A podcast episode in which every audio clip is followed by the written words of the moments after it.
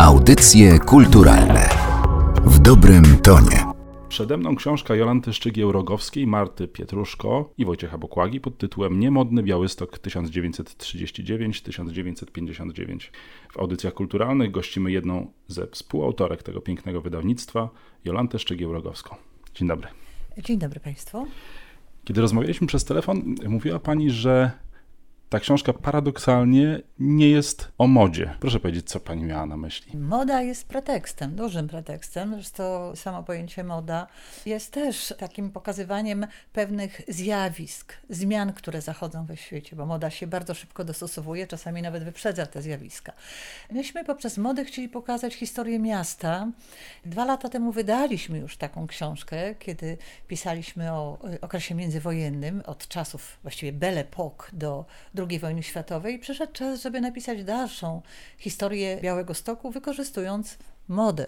Jest to bardzo taki chwytliwy temat i myślę, że wielu białostoczan skusi się, aby poznać historię swego miasta, czytając właśnie o modzie, jaka w tym mieście panowała w okresie II wojny światowej i do roku 59.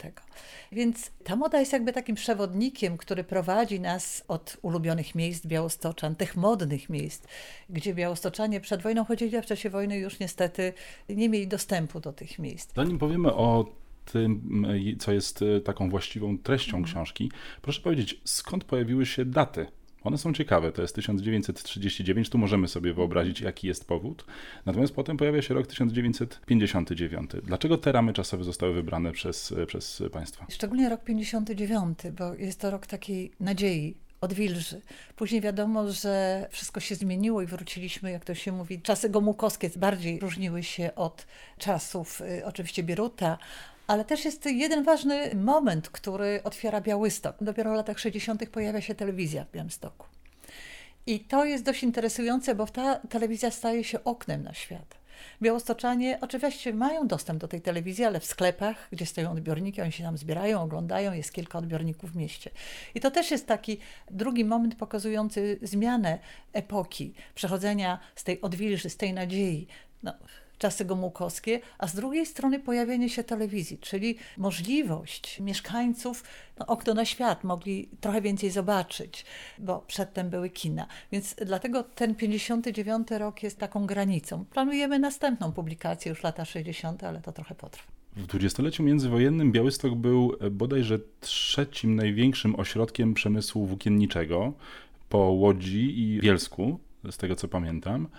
I Proszę powiedzieć, czy ten fakt również spowodował, że Państwo zajęliście się modą. Na razie myślę tutaj przede wszystkim o, o ubiorze, który w pierwszej myśli pojawia się w momencie, kiedy myślimy moda. Tak, oczywiście, dlatego że przed wojną jeszcze, kiedy Białystok znajdował się pod zaborem, należał do Imperium Rosyjskiego, był jednym z ważniejszych ośrodków włókienniczych i tych zakładów było tu bardzo dużo. W okresie międzywojennym Maria Dąbrowska napisała o nas, że jesteśmy brzydkim miastem i rzeczywiście to, to jakby było takim impulsem do tego, tego, żeby napisać o tej modzie, ale też później zwróciliśmy uwagę na bardzo ważną rzecz. Jak to miasto różni się w okresie międzywojennym. Biedne, ale eleganckie. Osoby, które tu się osiedlają, bo trzeba pamiętać, że Białystok stracił połowę swoich mieszkańców w czasie wojny, przybywają tu inni mieszkańcy, którzy przynoszą swoją kulturę, tożsamość, jak zmieniło się to miasto, zmienił się wygląd i charakter miasta. W książce znajdziemy przebogaty zbiór zdjęć, zdjęć z różnych lat. Można powiedzieć, że właściwie zdjęcia są taką główną treścią, główną zawartością tej publikacji. Oczywiście znajdują się tam krótkie eseje poświęcone poszczególnym okresom, poszczególnym tematom. Natomiast mnie interesuje, skąd te zdjęcia Państwo pozyskaliście? Jakie jest ich źródło? To znaczy, powiem tak, powiedzieć, naszą muzą jest pan Mieczysław Marczak, bo on się pojawił ze zdjęciami dopiero tego pierwszego tomu i głównie wtedy opieraliśmy się o jego zbiór. W tej drugiej części oczywiście e, pan Marczak znowu dostarczył nam zdjęcia, ale to było grzebanie po rodzinnych albumach, szukanie zdjęć rodziców, babć. Poza tym muszę to powiedzieć, że Białostocki Ośrodek Kultury, Centrum Ludwika Zamenhofa posiada bardzo bogatą mediatekę. To był świetny pomysł, bo stamtąd mogliśmy wykorzystać bardzo wiele zdjęć, które znalazły się w publikacji. Czy oprócz tych źródeł, czyli źródeł prywatnych i instytucji publicznej, znalazły się jeszcze jakieś zdjęcia, jakieś historie ciekawostkowe, które warto w tej sytuacji przywołać? Na pewno, bo jest wiele historii, bo powtarzają się zdjęcia rodzin i z tymi rodzinami wiążą się bardzo ciekawe historie, zdjęcia szkół, bo jest pokazana młodzież. Można opowiadać o tych ludziach, żeśmy się starali też opisywać te zdjęcia bardzo dokładnie, opowiadać ich własne historie, ale to są historie z modą mające trochę wspólnego, ale raczej takie bardzo historie osobiste, historie rodzin. Książka została podzielona na kilka części i tutaj uwaga, bo będą bardzo jakby ciekawe obszary, bo ta moda jest, tak jak pani powiedziała, jakimś punktem wyjścia, ale po pierwsze mówimy o modzie tej, która nam się kojarzy z ubiorami, z kapeluszami, z obuwiem, etc., etc., no ale pojawiają się modne miejsca, modne samochody, pojazdy, szerzej rzecz ujmując. Ta moda staje się raptem jakimś kluczem opowieści o Białymstoku, o tym miejscu, o tym mieście. Proszę powiedzieć, na ile ta metoda pozwala poszerzyć wiedzę na temat wojennej i tuż powojennej historii miasta. Myślę, że to jest dość y, interesujące dla mieszkańców miasta, bo wszyscy wiedzieli, że był Ritz, prawda? To było takie kultowe miejsce, znaczy kultowe, to nie można być bardzo eleganckie miejsce w Białymstoku. Później oczywiście Ritz był niedostępny dla Polaków. I gdzie, jak ludzie codziennie żyli, prawda? Jak codziennie funkcjonowali. Musieli ubierać się, chodzić do sklepu, pracować. I tutaj też mamy tę historię getta opowiedzianą króciutko poprzez modę. Także te kolejne rozdziały pokazujące modne miejsca, gdzie się ubrać najmodniej, są takim pretekstem do pokazania po prostu oblicza miasta w czasie II wojny światowej. Tutaj też pojawia się bardzo ciekawa postać, o której powinnam wcześniej była powiedzieć, Heleny Boleszackiej. Rodzina żydowsko-niemiecka, ona później zostaje znakomitą, jedną z bardziej znanych projektantek Telimeny, wyjeżdża w 1968 roku. Zresztą myśmy robili o niej wystawę i to też była nasza taka inspiracja. Tam pojawiają się jej rysunki modowe.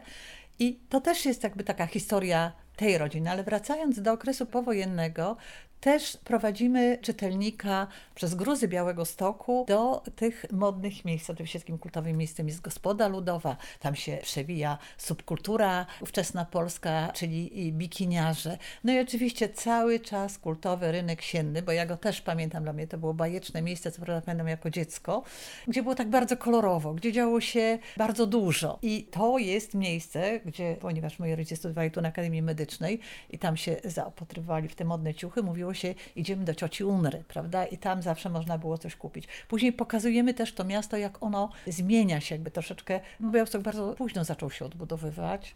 Było to życie wśród Gruzów, ale też jest życie kulturalne. Przyjazd aktorów z Wilna, Kęstowicz, który tutaj gra w sztukach. Odbywa się tu ślub śmiałowskich, gdzie na wagary całe gimnazja idą tam, żeby no, dziewczęta płakały, jak powiedziała mama, bardzo. No, to jest taka, taka historia bardzo sentymentalna miasta, bo pojawia pojawiają się zakłady pracy. Myślę, że wielu białostoczan odnajdzie się w tych zakładach pracy, które tu produkowały tkaniny. Pojawiają się najważniejsze, większe sklepy. Nawet nie wiedzieliśmy, że nasz pedet, już nieistniejący, tam jest teraz Hodel, był jednym z najnowocześniejszych budynków tego typu. No i też pokazane jest, jak mimo tych okrucieństw wojny Białystok zaczyna bawić się, czyli jak wyglądają karnawały po wojennym mieście, jak ludność się bawia, też co jest modne. No i też jest różnica pewnie współczesny czytelnik, szczególnie młody, będzie zdziwiony, jak to jego dziadkowie spędzali wolny czas. To, to życie dzieci wygląda zupełnie inaczej. Także no, tutaj też była dość ciekawa historia, ponieważ ja pisałam książkę z y, młodszym pokoleniem. To była różnica dekady. I były czasami od nich pytania, co to jest, bo oni nie wiedzieli, dlaczego jest nauka chodzenia, co to są zloty młodzieży. Także myślę, że ta książka będzie takim dość ciekawym materiałem i, i zresztą przewodnikiem dla mieszkańców Białego Stoku, żeby poznali swoją historię miasta, bo to już jest to pokolenie, które może powiedzieć o sobie, my jesteśmy białostoczanami.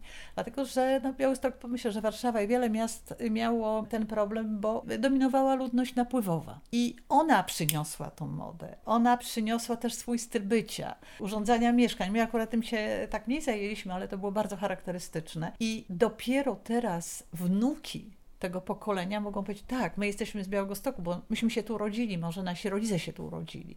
Także myślę, że to jest dla mnie bardzo ważne, bo ja tak z zawodu jestem historykiem, aby w jakiś przystępny sposób pokazywać y, historię naszego miasta. Ale moda to również modelki i modele. Kiedy patrzymy na twarze bohaterów tej książki i bohaterek, widzimy przeważnie twarze uśmiechnięte, pogodne, co zważywszy na fakt, że mamy do czynienia z czasem strasznym, i w trakcie wojny, i tuż po wojnie, może nie tuż, ale zaraz nadeszły te, te, te czasy potworne związane z drugim totalitaryzmem. Tak jakby historia, ta straszna historia szła gdzieś obok, a ci ludzie, którzy pojawiają się na zdjęciach, gdzieś próbowali znajdować swoje miejsce, swój jakiś cichy, bezpieczny kąt. Proszę mi powiedzieć, czy są bohaterowie tej książki, o których historii późniejszej można byłoby coś powiedzieć? W pewnym sensie, czy ta historia się gdzieś zamyka w sposób ciekawy? Historia Heleny Boleszackiej to jest też dla mnie bardzo dramatyczna historia. Znaczy nie jej samej, jej rodziny. Oni wyjeżdżają, co prawda, z Białego Stoku, bo Helena tam studiuje, jej ojciec, no bardzo popularna osoba w okresie międzywojennym w Białymstoku, który to była rodzina niemiecka w czasie wojny, bardzo tu pomaga swoim kolegom, bo zajmował się włókiennictwem, pomaga szczególnie społeczności żydowskiej. W 50 roku zostaje zamordowany w taki dość, no jak większość, prawda, niewiadomych okolicznościach. No i później sam los Heleny, która robi tu wielką karierę, ale w 1968 roku opuszcza Polskę. Tam są też historie rodzin. Ja wiem, jak potoczyły się, widzę zakochanych ludzi, a wiem, co się później stało, prawda? To są takie dosyć prywatne sprawy, szczęśliwych, młodych. Pokazane są twarze, szczególnie w tych już późniejszych latach, no ta olbrzymia chęć życia, prawda? Mimo tych strasznych wspomnień, szczególnie tego pokolenia już studenckiego, ich dzieciństwo było y, straszne. Proszę jeszcze zwrócić uwagę na zdjęcia z początku. Są zdjęcia mężczyzn, takie portrety, i kiedy się patrzy na oczy tych ludzi, to nie są twarze uśmiechnięte. Tym widać jeszcze to przerażenie tego, co zobaczyli tak niedawno. No, nikt nie spodziewał się jeszcze w tych 40 latach, co prawda to się nasilało, co się za chwilę wydarzy. Czy można mówić o tym, że jakieś elementy ubioru, czy ubiorów, które są na tych zdjęciach, stanowią wyraz sprzeciwu wobec ówczesnej rzeczywistości? Jakiś rodzaj kodu, czegoś, co jest rozpoznawalne dla tych, którzy są po jednej stronie, a nierozpoznawalne dla tych, którzy są utożsamieni z tym złem i są po drugiej stronie. Czy coś takiego y, można w tych ubiorach znaleźć? Pewne elementy ubioru, jakieś akcenty, które tak jak powiedziałem, dla innych nie będą rozpoznawalne, ale dla wtajemniczonych owszem. Proszę zwrócić też uwagę na ubiory kobiet w czasie wojny. One były niesamowite. Pokazywały to, że mimo, że jest sytuacja no, tragiczna, mamy nawet poradniki, gdzie nie pisze się wojna, tylko czasy trudne, one starały być eleganckie, pięknie uczesane, zadbane, nawet kiedy piszemy o tej modzie w getcie, jak kobiety jednak starały się ubierać, dbać o siebie. Były tam różne mody zawiązywania chustek. I Felicja Nowak, jedna z naszych takich bohaterek, ona wiedziała, kiedy jej ciotka się załamała, bo wtedy ta kobieta przestawała dbać o siebie. Było wiadomo, że ona raczej już nie ma siły, żeby się przeciwstawiać. Podobna sytuacja jest po wojnie, kiedy młodzież, mimo nakazu pewnego jakby zaszufladkowania nas w jeden ubiór, oczywiście subkultura bikiniarzy, oni się specyficznie ubierają, ale też widać pewne fragmenty, że dziewczęta dbają siebie, ubierają się według własnych kodów, że chcą być modne, kolorowe skarpetki. Żenie chłopaków i dziewczyn za te skarpetki można trafić było na UB. Tak się zdarzało. Rzeczywiście ten ubiór, czy nawet fryzura pokazywała, że nie tylko mężczyzn, szczególnie bikiniarze, ale dziewczęta. One obcinały włosy na przykład, żeby być modnymi, nawet sylwetka. Też przewija się ciekawa historia pojęcia kobiety, kim ma być kobieta. Więc w okresie lat 50-56 do odwilży kobieta, mówię, to była kobieta wieloczynnościowa, więc miała być wierną towarzyszką męża, gospodynią domową, aktywistką, uczyć się i tam w ogóle w ogóle y, było, było wszystko, co zresztą y, po 56 roku taka kobieta nie istnieje, ale też sylwetka kobiety. Proszę zwrócić uwagę na tę kobietę. Jest silna, mocna, raczej nie jest elegancko ubrana, raczej taka Wanda Wasilewska. Jak się patrzy na te zdjęcia później dziewcząt z lat tego samego okresu, one się ubierają inaczej. One chcą być takie jak ich koleżanki z zachodu, bo przecież jest żelazna kurtyna, ale te czasopisma, czasami te paczki, a szczególnie rynek sienny, no, napisano welegarnia Gogusiów, ale tam wiadomo, jak można było się ubrać, prawda, co było modne. No, czasami niekoniecznie było to gustowne, no ale no, takie były czasy. No, był to też taki rodzaj manifestacji pewnej, to znaczy w świecie nakazów, zakazów i wielkiego niebezpieczeństwa, nawet ten e, skromny gest ubioru może być wyrazem jakiejś godności tego, że całych nazw nie jesteście w stanie upodlić, nie jesteście w stanie nas upokorzyć. Książka Niemodny Białystok, e, chcąc nie chcąc, wpisuje się nomen omen w modę na modę, bo wracamy cały czas do tych rzeczy, które się określa mianem vintage, retro. To wszystko faktycznie zaczyna pojawiać się coraz częściej i w publikacjach książkowych, i na blogach, i w internecie. Mam nadzieję, że dzięki temu będzie o niej głośno. No mam nadzieję tak, bo mieliśmy z poprzednią książką, że tylko, że to jest projekt. Wiadomo, że ilość książek trafi do mieszkańców miasta. Nie jest to duża ilość, bo sam nakład jest nieduży, 750 egzemplarzy. My nie mamy praw autorskich, ma Narodowe Centrum Kultury i mamy nadzieję, że kiedy prawa autorskie wrócą do nas, my będziemy mogli zrobić dodruk tej książki i wtedy będzie dostępny większej publiczności. No na razie to będzie taki projekt, mam nadzieję, ku radości naszych, naszych mieszkańców. Bardzo dziękuję za rozmowę. Moim gościem, moim i Państwa gościem była pani Jolanta Szczygieł-Rogowska, współautorka książki Niemodny Białystok 1939-1959. Bardzo dziękuję. Dziękuję Państwu. Audycje kulturalne w dobrym tonie.